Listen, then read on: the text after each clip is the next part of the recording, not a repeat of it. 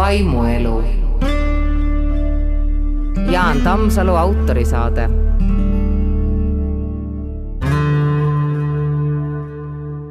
nõnda me siis taas alustame.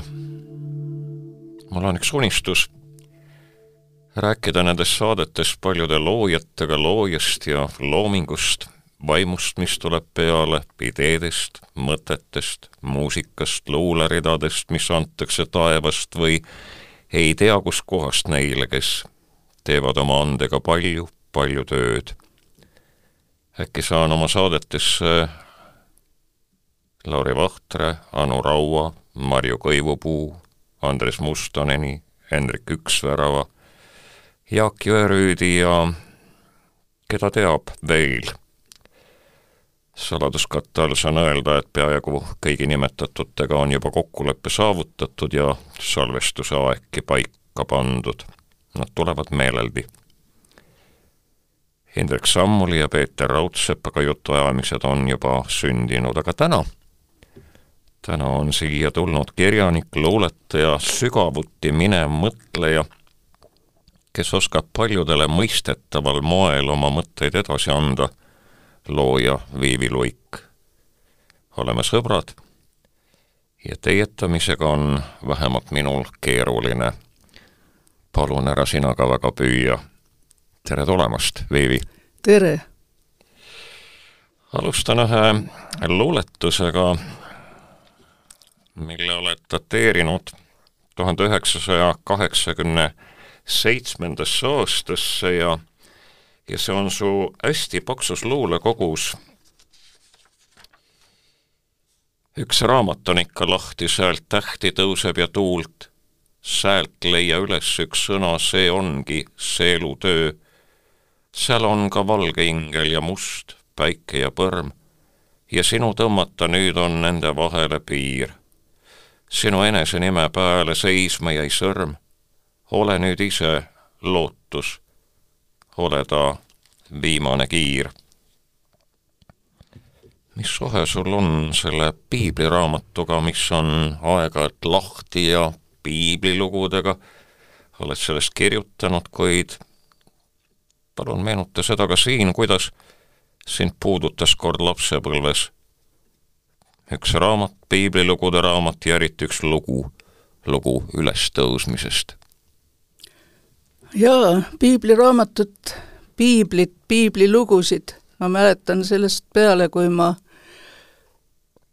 üldse midagi märkama õppisin, sellepärast et piiblilood olid alati vanaema laua peal, oli lauluraamat, oli piibel ja olid ka need piiblilood, mis vanasti anti koolilaste jaoks välja millalgi sajandi, kahekümnenda sajandi alguses.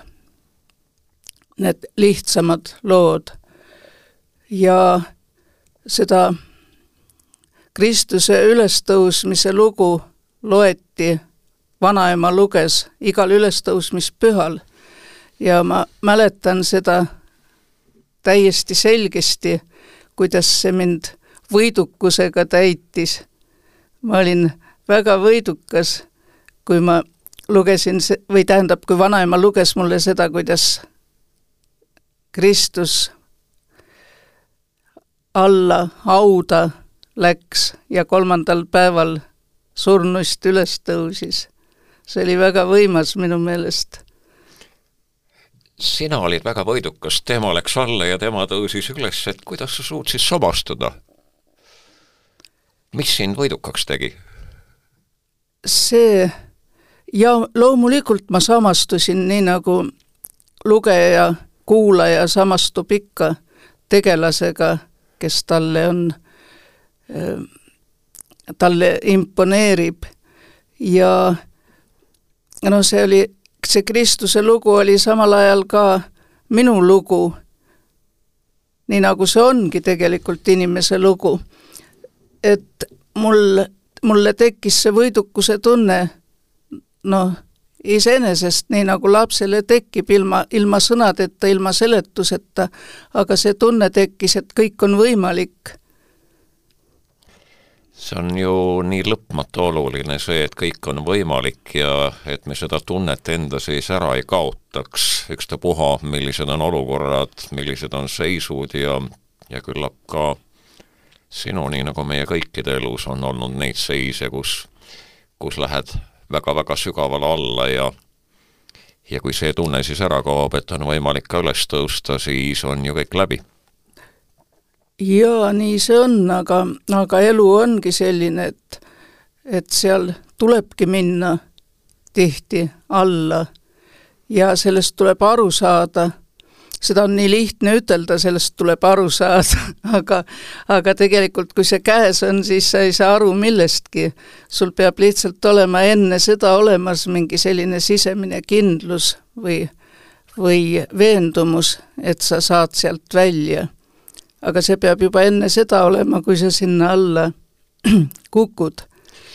see on nii kummaline, mul tuleb meelde, kuidas äh, saatsid mulle ühe sõnumi, kui mul oli hästi keeruline aeg hiljaaegu ja ja selle sõnumi sisu ma võtaksin kokku nii, et et kui su ees üks uks kinni lükatakse, siis ära liiga kaua selle ukse poole jää põrnitsema kurvalt, vaid keera ümber ja sa näed, et värav on avatud. Ma kohe ei saanud aru, aga see julgustas mind küll, nii nagu see ülestõusmise lugu ja ja kui ma siis ühel hetkel ümber keerasin, siis olin siinsamas Maalehe ja Delfi eks Eesti Ekspressi majas ja Urmas Oomvald ütles, et kas sa tahaksid neid saateid tegema hakata, siis ma sain aru, et üks värav on ikka päris laialt avanenud ja üks võimalus kingitud. sa olid, Vivi, väga rõõmus, kui kui ütlesin, et ma valisin oma saate pealkirjaks ühe liitsõna, mida on kord ühe oma vahva luuletuse pealkirjaks oma vägev sügavas luulekogus Tänan ja palun kasutanud Juhan Viiding. miks see sulle meeldib, see vaimuelu? vaimuelu, jah, see on ju tegelikult see põhiline elu, mida me elame. see ongi elu, sest et et kõik muu, see, see kõlab nüüd natukene magusalt või romantiliselt võib-olla, aga, aga kõik see muu elu on tegelikult ju vaimuteenistuses. mis mõte on elada, kui sul ei ole vaimu? kui sa kaotad oma vaimu, siis sind ei ole lihtsalt oled lihakeha või, või nii nagu kunagi öeldi Nõukogude naiste kohta, et tööjõu taastootjad ja mida kõike veel, mingisugused masinad, et, et jah, sinu, sinu raamat on üks nendest kõnelemas paljudest inimestest, kellega sa oled kokku puutunud ja ja seal sa kõneled ka Juhan Viidingust, sellest ääretult tundlikust loojast, kas sa võiksid meile teda veidi meenutada, milline ta sinu mälestustes on? minu, mina mäletan väga noort Juhanit, hilisema Juhaniga vanemana, kui ta juba vanem oli, puutusin ma vähem kokku, sest ma ei olnud siis Eestis väga palju, aga noor Juhan oli väga särav. Juhan oli, ta võis olla nii sügavalt kurb kui väga rõõmus, vaheldumisi ja väga kiiresti need olukorrad vaheldusid ka ja temas oli teatav eriline kergus. Juhan ei olnud sel ajal kuigi traagiline, Juhan oli selline, ma ei ütleks ka, et lõbus, aga Juhan oli särav, just särav on õige, õige sõna tema iseloomustamiseks, sest et kõik, mida ta ette võttis, seda ta tegi täiesti tões ja vaimus täie veendumusega ja särades. ja ega ta ei teinud asju, mida ta ei tahtnud teha või ei osanud teha, kui ta oli sunnitud neid tegema, siis muidugi muutus ta kurvaks ja siis ta kurbus oli ka väga sügav. sinu viimane kohtumine Juhan Viidinguga oli unenäos. kirjeldad seda oma raamatus Kuldne kroon lehekülgedel kolmkümmend üheksa kuni nelikümmend kaheksa, muide see on üks väga ilus mõtlik meenutuste raamat üldse, aga, aga meenuta seda viimast kohtumist. ja mõned aastad peale Johani surma nägin ma teda unes väga selgesti, väga realistlikult ja kogu see lugu, mis seal raamatus on kirjutatud, see unenägu, see on täpselt nii, nagu ma unes nägin. unest maha kirjutatud, tõesti sündinud lugu. nägin unes, et tuli Juhan ja käes oli tal suur kimp valgeid nartsisse, need taluaia nartsissid, mida kutsutakse poeedi nartsissideks valged punase südamega, mis lõhnavad. ja ta suutis vaevu naeru pidada, kui ta mulle neid nartsisse näitas ja ütles, need nartsissid on minu aualt ja purskas siis naerma, nii nagu Juhan tavaliselt tegigi, noh, ta oli väga ehtne unes, Juhan, mis Juhan. Ja kõik see toimus niisugusel haljal aasal, millest voolas läbi väike romantiline ojake niisuguse kivist tehtud kaarsillaga ja kaugel paistsid mäed, millest ma unes teadsin, et need on Austria alpid. ja Juhan ütles kohe nii väga energiliselt, et tead, missuguse vanamehega ma siin tuttavaks sain, et ma tutvustan sind sellele vanamehele, geniaalne vanamees.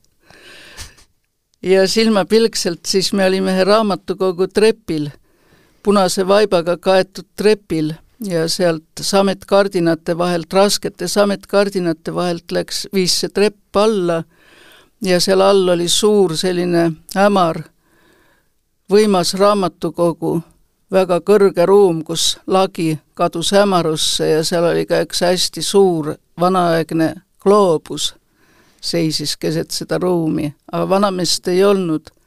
ja jäigi meil see geniaalne vanamees nägemata. me läksime üles-tagasi ja jalutasime mööda rada seal aasal kuni ojani, selle sillakeseni. ja seal võttis Juhan oma kuue seljast ära ja andis selle minu kätte ja ütles, et vaata, et sa seda ilusti hoiad ja seal taskus on minu dokument, vaata, et sa seda ära ei kaota. ja siis ma ärkasingi üles. sa oled äh, kunagi ühes luuletuses öelnud, pühitsetud olgu meie uned. jah, sellised uned tõesti, olgu nad pühitsetud ja on nii lõpmata oluline, et me neid ei unustaks, need on tõesti sündinud lood, nagu sa ütlesidki, ja need rikastavad lõpmata palju meie elu. Juhan Viidingu vaimuelu, kordan seda siin veel, mismoodi on su vaimuseis, ei seisa nigu, kas tõstab pead ta ükskord meis kui väike tigu, kas tõuseb ta kui päikene, kui lõpeb öö ja olles suur või väikene, teeb vaimse töö või läheb mustaks mure läbi, nii et on tuhat aastat häbi. Vili, mismoodi on sinu vaimuseis? seda on nüüd endal hirmus raske hinnata täpselt, kuidas see on.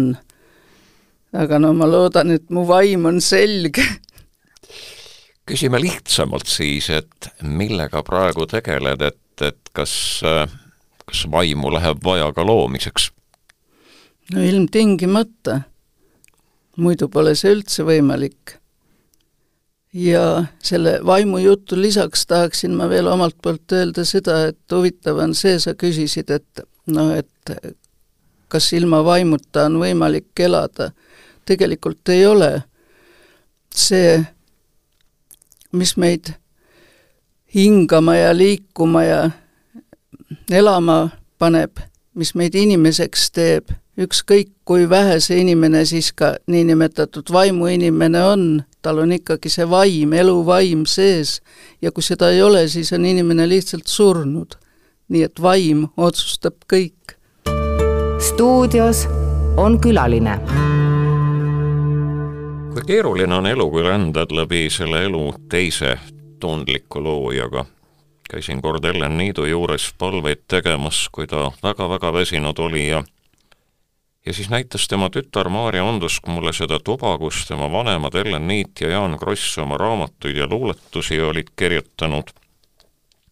kaks kirjutuslauda, ümberpööramise võimalus, nõnda et kirjutati seljad vastamisi, pikk vahe seis, ja siis teineteisele ettelugemine, selle ettelugemine, mis oli vahepeal kirja saanud. Ja kunagi hiljem, kui Ellen Niit oli juba väga vana, küsis mu sõber temalt ühe Jaan Krossi luuletuse kohta, sel künkal algab imeline aas, et kuidas see Jaanil sündis ja Ellen ütles, et see on minu luuletus. Ühesõnaga kirjutati nii, et lõpuks läks segamini, et kes mida kirjutanud tegelikult oli. sina pühendasid ühe oma raamatu Jott Jotile sõnadega Jott Jotile, kes on minu kodu maailmas. kuidas teil Jott Jotiga ja kes see Jott Jott on, võime me vist aimata. kuidas teil see koosloomine laabub? No meie mõlemad oleme inimesed, kes vajame väga palju oma ruumi, väga palju aega iseenda jaoks. ja no meie jällegi ei kujutaks ette, et niimoodi saab kirjutada, nagu Jaan ja Ellen kirjutasid. meil peab ikkagi olema oma kirjutuskamber ja, ja tõesti väga palju aega. aega ja ruumi, kus sa tead, et keegi ei sega sind. ja seda oleme me suutnud luua omale. et ähm, see ei ole mõeldav, et kui sa mõtiskled millegi üle, siis mingi kõrvaline asi su mõtte katkestab. et sa pead siis teisel päeval alustama hoopis teistsuguse mõttega, sest seda endist mõtet sa enam ei püüa siis. et see on, see on meil siiski õnnestunud, see oma ruumi ja oma niisuguse vabaduse loomine ja hoidmine. kui teil kunagi külas käisin ükskord, siis, siis te rääkisite sellest, kuidas te olete neid kambreid vahetanud. et üks oli kord ühes kambris ja teine teises ja siis läksite vastupidi, et kas see kambrite vahetus tuli kergelt? väga kergelt, seepärast et korter, kus me elame, ei ole ju eriti suur ja siis tahaks ikkagi mingit vaheldust. ja siis saime me teatava vahelduse sellesse saite kaubale? jah, korteri tavalisse rutiini. aga kas, kas sellist äh, oma loomingu ettelugemist või teineteiselt millegi küsimist ka on või olete täiesti erinevates maailmades ja või kas te üldse teineteise raamatuidki loete? loomulikult loeme ja ikka mingeid niisuguseid nõuandeid kuulame, teise nõuannet ikka võtame kuulda. Sest et elu on näidanud, et need on õiged nõuanded.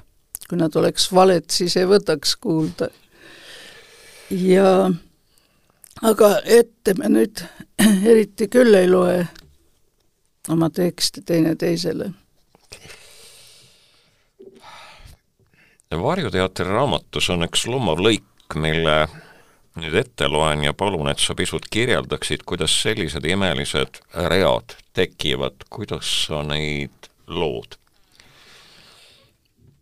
kui olin öelnud Buonasera, tere õhtust ja lähemale astunud, nägin, et kingsepp venitas parajasti liistu peale üht saabast see saabas tegi läbi sedasama katsumust, mida teeb läbi inimese süda, siis kui vanajumal ta liistu peale tõmbab ja teda avaramaks ja suuremaks venitama hakkab. kingsepp naeratas mulle vastu. tal oli eest üks hammas puudu, kuid selle eest oli tema kõrval seinal Jumala ema pildike, kõige odavam, selline, mida kirikutrepi kerjused vahel almust saades tänutäheks annavad. pildikese kohale oli naelutatud kuivanud ja tolmunud õlipooksake. selles ruumis aeg seisis.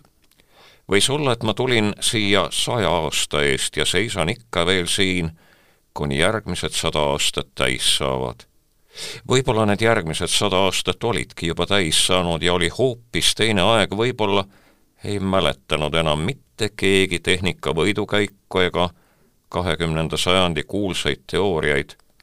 midagi ei olnud kuulda peale poisikese nohina, kellade tiksumise ja iseäraliku vaikse klõbina, mida sünnitas poisikese töö ja tegevus. kuidas sellised lood sünnivad? kui oled midagi sarnast kogenud või näinud,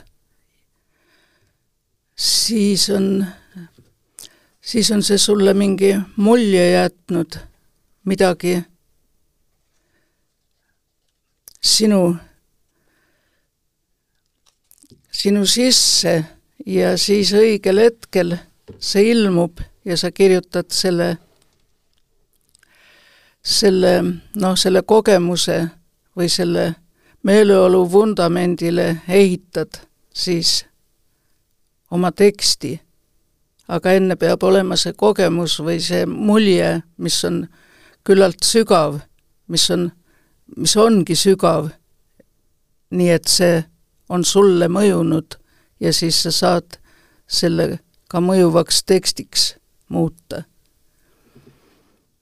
Et ma olen sellist kingseppa näinud, sellist meeleolu ja õhkkonda läbi elanud Roomas, see ei ole välja mõeldud, see ei ole konstrueeritud, vaid see ongi olnud üks selline hetk, kus võivad tekkida sellised mõtted, nagu ma neid siin väljendan.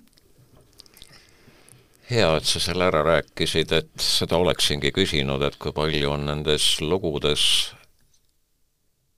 kord nähtud, kogetud, tajutud ja ja kui palju seda, mille sa nii-öelda konstrueerid või, või mis tuleb. ja siin on need mõlemad ju koos tegelikult, et nii see, mis on kogetud, kui siis see, kuidas sa selle üles ehitad, sest see, kuidas sa näed, on teistmoodi kui kuidas mõni teine näeks ja selle kirja oskaks panna. täpselt nii, see ongi ehitamine teksti kirjutamine, raamatu kirjutamine on ehitamine, sul peab olema see materjal, millest sa ehitad, aga see, kuidas sa ehitad, mis hoone sa ehitad, see oleneb juba sellest, kes sa ise oled. Mismoodi see sinu hoone tuleb, sest igaühel tuleb see erinev, mida sina oled näinud ja kogenud, sellest sa ehitad. Kinkisid mulle kord ühe paksu ilusa raamatu. Armsale õpetajale Jaan Tammsalu südamest veeviluik. nii sa kirjutasid sisse ja see paks raamat on tulvil sinu luuletusi, mida oled kirjutanud vist umbes kolmekümne viie aasta jooksul. ja oi kui palju ilusaid ütlemisi, kauneid kujundeid ma sellest leidsin, näiteks mõned näited selge september su aknalauale toetub. see, kes on ohus, ei usu mitte kunagi ohtudesse. oksadelt pudeneb valevat vaikust, kõrvuni kahlates küünlagu lumes. juba on taevas su silmade värvi, varsti tuled sa päriselt mõõda siniseid teid sinisel õhtul. armastus tumedaid lehti näen ma nõlvade odus, kaarduvat huulteks. ikka kahiseb lehtimme suurte kurbuste kohal. Kuidas su luuletused tekivad? mida sa vajad selleks, et luuletada? praegu on aeg, kui sa ei luuleta, sa ütlesid, et on vaja teistsuguseid luuletusi, aga kui sa luuletad, mis on selleks vajalik, kust nad tulevad? ma olen sellest vist kunagi kuskil rääkinud ka, et luuletamine oli mul üks abivahend proosa juurde jõudmiseks. et tegelikult tahtsin ma alati kirjutada proosat väiksest peale, aga selleks siiski on tarvis mingit kogemust, mingit mm, noh, mingit elu, mida juba on natuke aega elatud, sa ei saa kohe hakata kirjutama proosaraamatuid, seal on mingi oma nõks siiski. ja luuletustes väljendasin ma mingit sellist omaenda olemuse poolt, mida ma proosas ilmselt ei oleks saanud väljendada. Ja siin ma pean ütlema ka, et luuletuse ja, ja proosateksti kirjutamine on täiesti eri asjad, täiesti erinevad. luuletus, kui ta on õnnestunud, ei tohi seletada. ta peab toime tulema selle meeleolu või selle mõtte edasi andma ainult kaudselt, mitte otse, mitte seletad, seletades. ja proosas on jälle vastupidi, sa pead siiski midagi selgitama, sa ei saa jääda väga uduseks, ebamääraseks ja ainult tunnetele toetuvaks. et selles on tõesti suur vahe kahe, kahte eri maailma kuuluva teksti kirjutamisel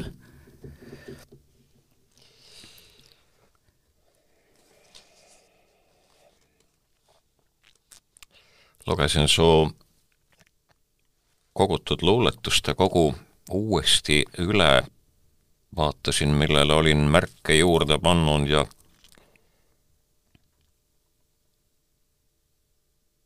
ja loen siit nüüd mõnd luuletust, aga kõigepealt siis siit päris algusest, kolmekümne kuuendalt leheküljelt ja ja küllap tuleb paljudele kuulajatele vägagi tuttav see ette.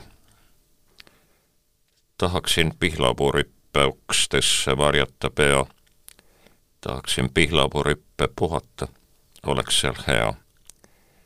pesevad vihmata marju, nendele vajutan suu, võta mind lehtede varju, lõkendav sügise puu. sinule laulan ja sina saad aru, oled nii lihtne ja hea sinule laulan ja sina saad aru.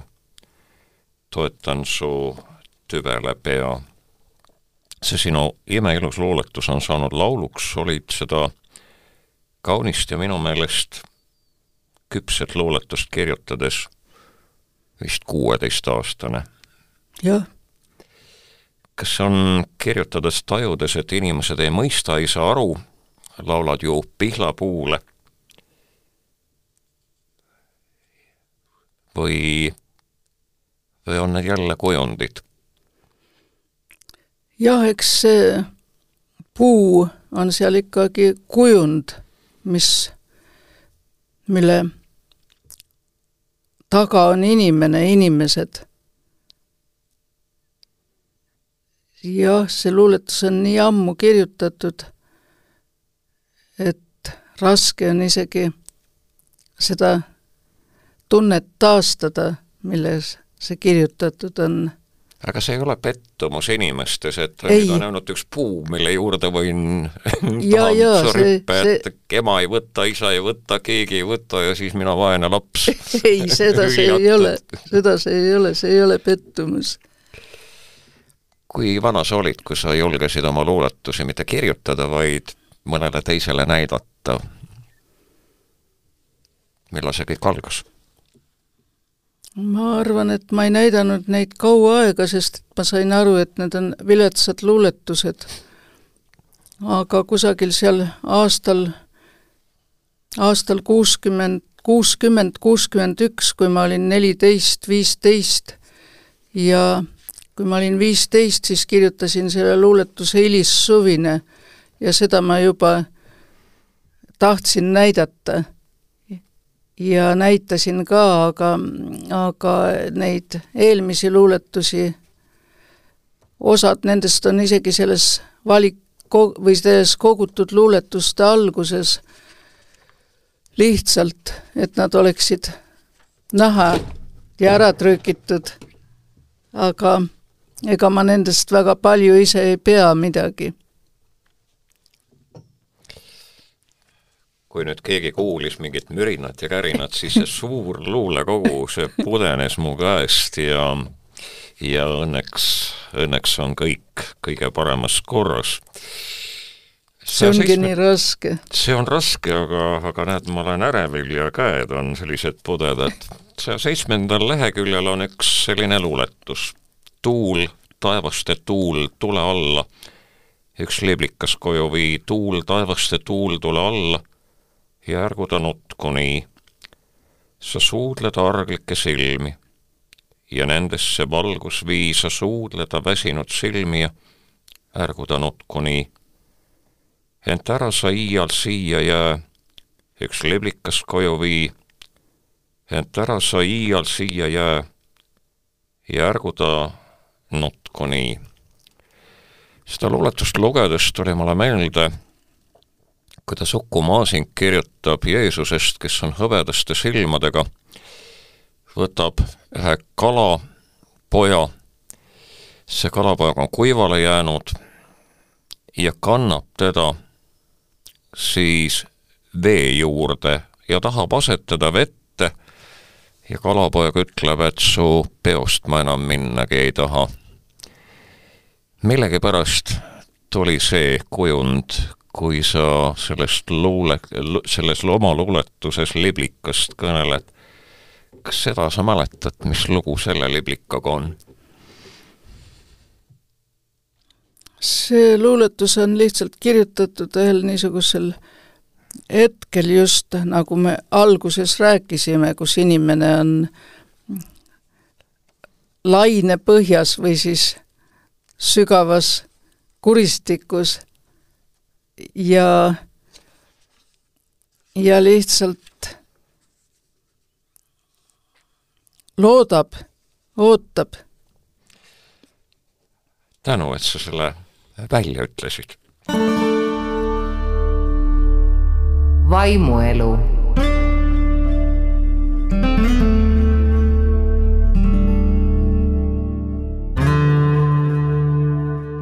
jõuame nüüd leheküljele nelisada viiskümmend kolm, nelisada viiskümmend kolm, jah, selles raamatus on ka nii palju lehekülgi täiesti olemas ja on rohkemgi veel.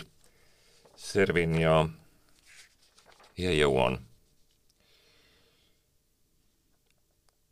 tumedate vete kohal koletavad kased, mure seisab ilma kohal, hingata ei lase. udu liigub üle vee, udu keerleb jalus. hingad ikka, kuigi see raske on ja, raske on ja valus. milline on maailma vaimuseis praegusel hetkel sa kirjutad ühel päeval enam kuhugi ei ole minna ja teises luuletuses armastust mõnikord meenutab taevas. mõnikord maivihma hääl oleme väsinud veressõjast, mis läks ja mis on ja mis tuleb. hookaupa tugevneb tuul, verd kuulen vihmadest läbi. ja selle luuletuse sa lõpetad nii. oh, miks ma pean rääkima verest taevasse pööratud näoga. aasta oli siis tuhat üheksasada kuuskümmend üheksa, täna enam kui pool sajandit hiljem. kuidas sa kirjeldad seda, mis maailmas ja siinsamas meie ümber toimub? milline on selle maailma vaimuseis? see luuletus, mida sa just praegu tsiteerisid, see on jah, kirjutatud aastal kuuskümmend üheksa ja enne seda oli just see Tšehhi sõda, Nõukogude Liidu sissetung Tšehhoslovakkiasse, et see luuletus, see sõda seal ilmselt ja päris noh, kindlasti tähendabki seda sõda. aga praegu on teine sõda ja mis puudutab vaimu ja vaimuseisu, siis kõik inimesed peaksid aru saama, et see sõda, mis käib, ongi vaimuvastane sõda. ja ei sõdi ju äh, presidendid, vaid sõdivad inimesed. kõik see toimub inimeste kaudu ja siin ma tsiteeriksin hea meelega iseennast. see on üks tükk aega tagasi kirjutatud lugu kui poleks inimesi, keda relvad ja tapmine huvitavad, poleks sõdu. kui inimesed ikka ei tahaks seda teha, mida nad teevad, ei saaks neid ükski vägi ega võim sundida seda tegema. kui ikka ei oleks tapmise imu, ei viitsiks keegi ka tappa. kui ei oleks piinamise imu, ei piinataks kedagi. Neid asju ei tehta käsu korras, vaid vabatahtlikult. sellepärast, et huvitab kedagi ei saa vägisi panna ülekuulajaks, kui ülekuulamine ei huvita. seda tunnistatakse väga harva, seda nagu ei sobi öelda, et osa tahabki teisi tappa, osa tahabki piinata. isegi need, kes surnuid pesevad, tahavadki surnuid pesta, kuna nad seda tööd ilma huvita teha ei saaks. kui kedagi kuskil piinatakse, siis pole selle põhjuseks mitte käsk, vaid see, et potentsiaalne piinaja on olemas ja et rahva hulgas on olemas huvi piinamise vastu. kui Eestis küüditati, siis mitte sellepärast, et oli säärane käsk, vaid et kuskil varjus olid olemas inimesed, kellele see lõbu ja huvi pakkus. kui inimene midagi teeb, siis ikkagi ainult sellepärast, et tal on lõbu ja huvi seda teha. jah, kui poleks tapjaid, poleks ka tapamaju võimsad read, väga selgelt ja otse kirjutatud, mul tuleb meelde praegu üks, üks episood, mida on kirja pannud Edward Stauffer, see on koonduslaagris, kus siis äh, vangivalvurid on tüdinud peksmisest. sellest võib ka lõpuks ära tüdida, kui seda liiga palju saab. ja nad leiutavad väga võimsa mängu enda jaoks, nimelt nad lubavad kaks portsu suppi neile, kes hakkavad kaasvange peksma. ja leidub kohe vabatahtlikke, leidub väga haritud inimeste hulgast, leidub täiesti selliste inimeste hulgast, keda iialgi ei oleks osanud arvata, et lähevad, kes lähevad ühe vedela supilõrje pärast kaasvangi peksma ja siis öeldakse lõpuks ühele väga kaunile naisele, et teda on ka välja valitud, ta saab ka kaks portsu ja Elsa Krug, see nimigi on välja toodud, öelda, ütleb, et ma olen inimene ja mina inimest ei peksa. ja talle käratatakse, et sa oled hoor. oligi Hamburgi kõrgklassi nii-öelda hoor. aga ta ütles, et jah, ma olen hoor, aga ma olen inimene. ja ta läks gaasiahju. ta teadis, et ta läheb sinna, aga ta läks sinna teadmisega, et ta ei löö teist inimest ja ta oli enam inimene kui, sul on täiesti õigus ja me võiks igaüks enda sisse vaadata, eriti need, kes kirjutavad salvavaid jubedaid kommentaare, eriti anonüümseid kommentaare.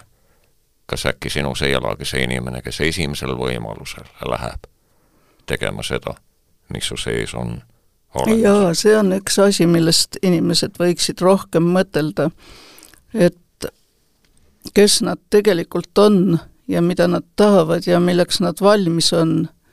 Ja seda muidugi inimene enne täpselt teada ei saa, kui tal see olukord käes on, mida ta teeb, aga mingisugune aimdus iseendast võiks ikkagi olla, et mida ta ei tee, kui teda kästakse.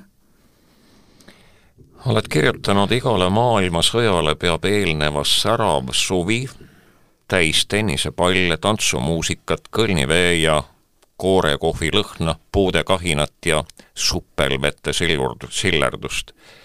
sa kirjutasid need read üheksakümne esimesel aastal, kuidas kirjutaksid täna, kahekümne kolmanda aasta sügisel, kas needsamad sõnad? Needsamad sõnad kehtiksid täiesti, sellepärast et kui ühes Euroopa ääres käib metsik sõda, brutaalne sõda, siis teises, teistes kohtades Euroopas, Euroopa pealinnades on ikka veel supelveed ja kohvilõhn ja kõik see, millest siin juttu oli. ükskõiksus. võib-olla küll, jah, no eh, lõbutsemise vajadus, äraunustamise vajadus, ma arvan pigem, et see on enesekaitse ja äraunustamise vajadus. ja tegelikult oleks mul üks tsitaat siinjuures veel, mis peaks natuke lootust andma siiski selles äh, verises pimedas ajas. alati, kui näib, et kultuuriga on lõpp, ühe maailmaga on lõpp, tuleb mängu üllatus. meie arvestused ja programmid ei maksa mitte midagi, me tahame küll kõike ette ära arvata, tulevikku korraldada kuid alati tuleb mängu miski, mis ei ole planeeritav. see on inimese ette äraarvamatus. selles ongi kultuuri ja meelelahutuse, inimese ja roboti vahe. meelelahutus toetub arvestusele, ime puudumisele, toetub inimesele kui ette äraarvatavale, manipuleeritavale mehhanismile. kultuur seevastu toetub inimese ette äraarvamatusele, üllatusele, ootamatusele kultuur toetub imele, imepidevale võimalikkusele, inimese ette äraarvamatusele. suur tänu, et sa selle lõigu sisse tõid, muidu oleks võib-olla väga-väga sügavale ära vajunud siin selle saatega ja mõned oleksid juba kinni keeranud, tõstame otsa jälle üles. aga ikkagi korraks veel seal, seal all või üleval, kes oskab öelda. kui palju on Eestis vabu inimesi? oled meenutanud, kuidas vanaema avas kord orja ja vaba mõisted väga lihtsalt. ta oli öelnud sulle, orjad teevad seepärast, et nad peavad, vabad inimesed teevad sellepärast, et nad ise tahavad. see on igaühe enda otsus, kas ta tahab olla ori või vaba inimene. kuidas nende orjade ja vabade suhe võiks olla praegu, ega mõõdikut ei ole, aga kuidas tunnetad siin Eestis? ma arvan siiski, et Eestis on neid vabu inimesi üsna palju selle väikse rahvaarvu kohta. muidu see Eesti ei püsiks ja poleks üldse see, mis ta on praegu. meile jääb küll mulje, kui me loeme kõiksuguseid kollaseid lehti ja kommentaare ja kõike seda, et, et midagi muud ei ole, aga kõik see muu on täiesti olemas ja seda on tegelikult palju meie väikese rahva kohta. ja neid vabu inimesi ka ikka on olemas täiesti. ja siin, kui me juba tsitaatide juurde läksime, siis ma tsiteeriks kohe ühte, keda ma pean ka vabaks inimeseks. see on Mihhail Lotman kes andis intervjuu septembri alguses sellel aastal ja ütles selles intervjuus, ma katkestasin kõik sidemed Vene teadlastega, ma ei ole konver-, korve-, konverentsidel osalenud, ma ei avalda Venemaal oma artikleid, minu meelest on see ainuvõimalik, sest Venemaa on kuritegelik riik ja see, kes teeb selle riigiga koostööd, on ko-, kaasosaline kuriteos. no selleks peab olema vaba inimene, et seda niimoodi otse öelda, eriti kui sul on vene kultuuri taust. aga nüüd lõpuks. oled ristiinimene? olen. kas äh, oskad ise kirjeldada, milles väljendub sina ja kirik, sina ja pühakiri, sina ja Isabello, sina ja loomine? Milline osa on selles loojal? olla ristiinimene. ma olen selle üle isegi mõtelnud, kuidas mina seda sõnastaksin. olen seda ka varem mõtelnud. ja ma ei oska seda enda jaoks teisiti sõnastada, kui et risti inimene minu jaoks tähendab olla eurooplane, toetuda kogu sellele Euroopa kultuurile, mis ei ole just igivana, aga siiski vana kultuur. Ja sellele tundele või sellele mõttele tulin ma Itaalias, kui vaadata Itaalia maastikku, põlde, põhiliselt seal ju põllud ongi, ja et need põllud on, see muld on aasta sadade jooksul, aastatuhandete jooksul inimese käest läbi käinud. inimesed on seda harinud ja kui me mäletame, et vanasti peeti tunnipalvet ja inimesed, kus nad iganes ka olid, põllul või mingi tegevuse juures, peatusid hetkeks ja palvetasid, et siis see vana Euroopa muld on nendest palvetest ka läbi imbunud ja see on, need põllud meenutavad mulle ristiinimeseks olemist. ja ka meie põllud siin, meil on ka väga vanasid põlde, kus vähemalt, vähemalt ligi tuhat aastat on siiski see muld ristiinimeste käest läbi käinud.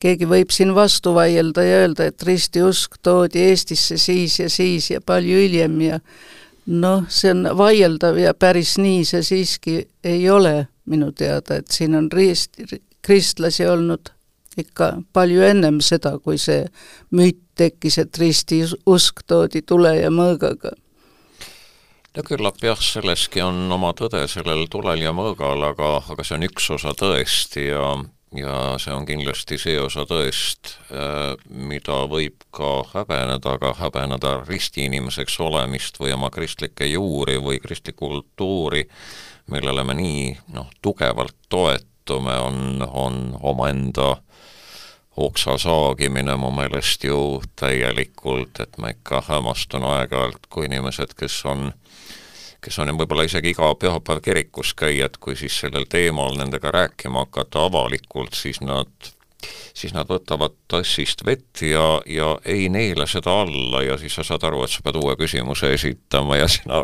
ruttasid kiirelt kinnitama, et sa oled risti inimene. meenuta hetkeks veel selle saate lõpus ühte meest, kellest sa oled kirjutanud ja kellega te olite koos Jaaguga head sõbrad, ma saan aru, et just nii see oli, isa Vello Salo. milline mees ta oli? sinu silmis, sinu mõtetes, kui sa praegu hakkaksid temast kirjutama või? no isa Vello oli vaba inimene, sellest hoolimata, et ta oli katoliku preester ja vaba vaimuga inimene ja vapper mees. isa Vello on seda rääkinud, et tema oli küll noore, noore poisina, noore mehena, oleks ta oma elust arvanud kõike muud kui seda, et temast saab preester. ja siis tuli ta elus üks hetk sõjas, kus ta sattus ka väga halba olukorda sinna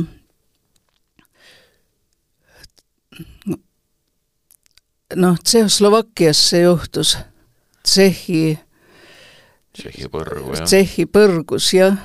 tema sattus sinna ja ja ta mäletas seda selgesti, ta rääkis seda alati, et ta oli põõsa all parajasti, kuskil varjas ennast ja mõtles, et kui ma siit veel eluga pääsen, vabandust, see oli nii naljakas, kui ta seda rääkis ise jah, ta ütles, et kui ma siit veel eluga pääsen, et siis ma pühendan oma elu Jumalale.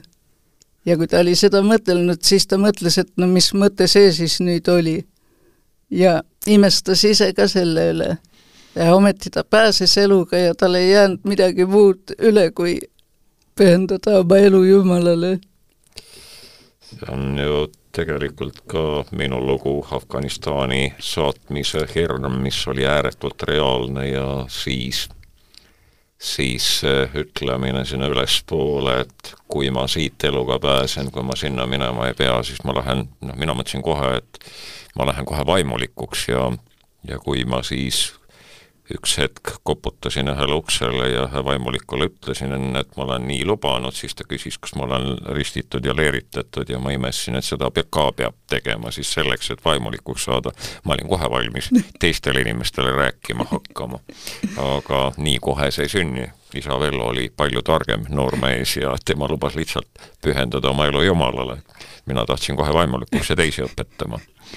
aga aga milline see teie sõprus oli, et, et kui palju see, see teile andis või, või kui palju te sellelt mehelt noh, see on hästi hull kategooria, kui me ütleme, kui palju te temalt saite või mida ta teile, see sõprus nii-öelda ulatas? minule andis see sõprus ja tutvus isa Velloga jällegi sellist kindlust, sellist noh, elujulgust, elamise kindlust, kui ma kuulsin kõike seda, mida isa Vello oli oma elus läbi teinud ja kui rõõmus ta selle juures oli, kuidas ta nalja viskas ja kuidas ta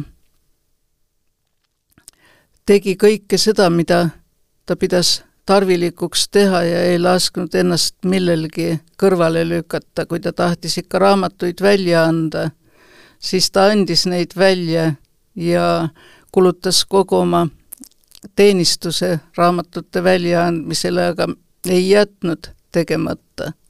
ja seesugust julgust ja kindlust ta andiski. Ja mitte ainult mulle. Mulle täpselt samuti, need kohtumised on täiesti vapustavad ja ja neid võib üsna üksikasjalikult kirjeldada, seda tema naeru, seda tema itsitamist ja ja isegi, isegi väga viletsas olukorras nende, ma ei tea, viie teki ja veel mantli all äh, kui ta siis silmad avas, kui ma olin seal pikalt olnud ta juures ja, ja kui ma küsisin mingi väga praktilise küsimuse, et nii palju asju peal ja ja nii edasi, siis see vastus, mis sealt tuli, oli nõnda, et toolilt võisid alla kukkuda täiesti lihtsalt ja vabalt, see raamatu kukkumine on, on, on tühi asi selle kõrval, et see naer ja see, see, see nali, see rõõm, see säilus temas ikka päris lõpuni välja aga küllap siin on paralleel selle ülestõusmise looga, mida vanaema luges, see, võidurõõm, mis sinus tekkis ja siis see isa Vello oma rõõmuga ja oma kõikidest olukordadest ülestõusmisega, et nagu lapsepõlves selles mõttes tagasi. jaa, sa oled seda nüüd küll täpselt sõnastanud praegu aitäh sulle, Veevi Loik, selle peaaegu et tunni eest, mis me oleme siin koos olnud. mul on komme neid äh, saateid lõpetada ühe oma mõtisklusega ja ja kuna ma olen väga paljudesse mõtisklustesse, mida ma ka Jaani kirikus olen mõtisklenud või kusagile mujal või kirja pannud, olen kasutanud luulet, olen kasutanud tsitaate teistelt autoritelt ja mu tänane mõtisklus, millega selle saate lõpetamine on, lõpetame, on ka üks sellistest, kus olen kasutanud luulet. mõtisklus. pimedad ajad, päevadeski palju hämarust, öödes pilkas pimedust pidevalt pelgad, et eksid elurajalt oma teelt sellelt, mis määratud sulle. selles maailmas on palju segadust, hämarust ja hirmu. kuidas taibata tõde seda, mis õige, millest aru saada, kas liigud õiges suunas? ei tahaks ju ühel hetkel mõista, et olen liikunud staadioni ringil või nagu orav rattas kusagile välja jõudmata ja sa lähed ja sa lähed ja sa lähed, kuni lõpuks näed, su ees on su oma jäljed iga päev, nii nagu laulus. kas laululooja taipas, nägi mind ja pani mind oma laulu sisse ja sealt ma enam välja nüüd ei saagi.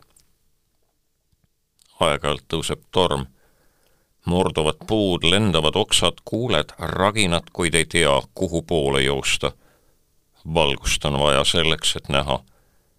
ka hinge on vaja valgust muidu olen kui puu, mis murdudes teeb teistelegi valu, vajutab midagi puruks või nagu kariloom, kes tormab iga ragina peale koos teistega, kas või kuristiku servale. Lähen teistega koos taipamata, et nad kõik on eksinud, lasknud hirmutajatel end ära hirmutada, meelitajatel end ära meelitada arvavad ollikesed, et nad ise teevad otsuseid, valikuid taipamata, et ammu enam ei tee. hirm läbikukkumise ees, hirm selle eest, et sind vahetatakse kellegi vastu välja, tõugatakse eemale, jäetakse üksi, teeskled tarka ja tugevat ka siis, kui ammu enam ei jaksa, ei mõtle omi mõtteid. valgust on vaja valgust, mis valgustaks elude rada, muudaks meid meie rännakul julgeks ja rõõmsaks kingiks lootust, kui mõtleme homsele. selles hämar, ärevas ajas me vajame valgust ka selleks, et muuta kergemaks nende elu, kes loodavad meie peale, ootavad meilt mõnd head sõna, julgustust, õiget juhatust. kas meis on sellist valgust? Vana-testamendi laulik ütleb, issand, sinu sõna on mu jalale lambiks ja valguseks mu teerajal laulik kasutab pilti, mida mõistsin hästi. ja mõistsid hästi ka need, kes elasid selle psalmi kirjutamise ajal. pilkas pimedas öös eriti ohtlikel kitsastel mägiradadel liikuja, sidus oma mõlema jala külge võimalikult madalale õlilambid. Need valgustasid vaid iga järgmist sammu. ei olnud võimalik palju ette näha, aga rändur nägi seda, kuhu ta oma jala tahtis asetada, nägi seda, kus on kindel maa ja seda, kus kuristiku serv. nii ütleb laulik, et Jumala sõna on tema jalale lambiks ja valguseks tema teerajal. kas see sõna on valgustamas ka meie elurännakut? kas otsime tema juhatust?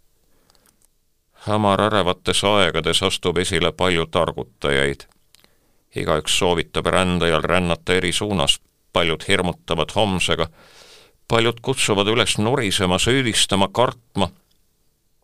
aga Jumala vaikne hääl ütleb ka nendes segastes aegades oma lastele, ärge kartke.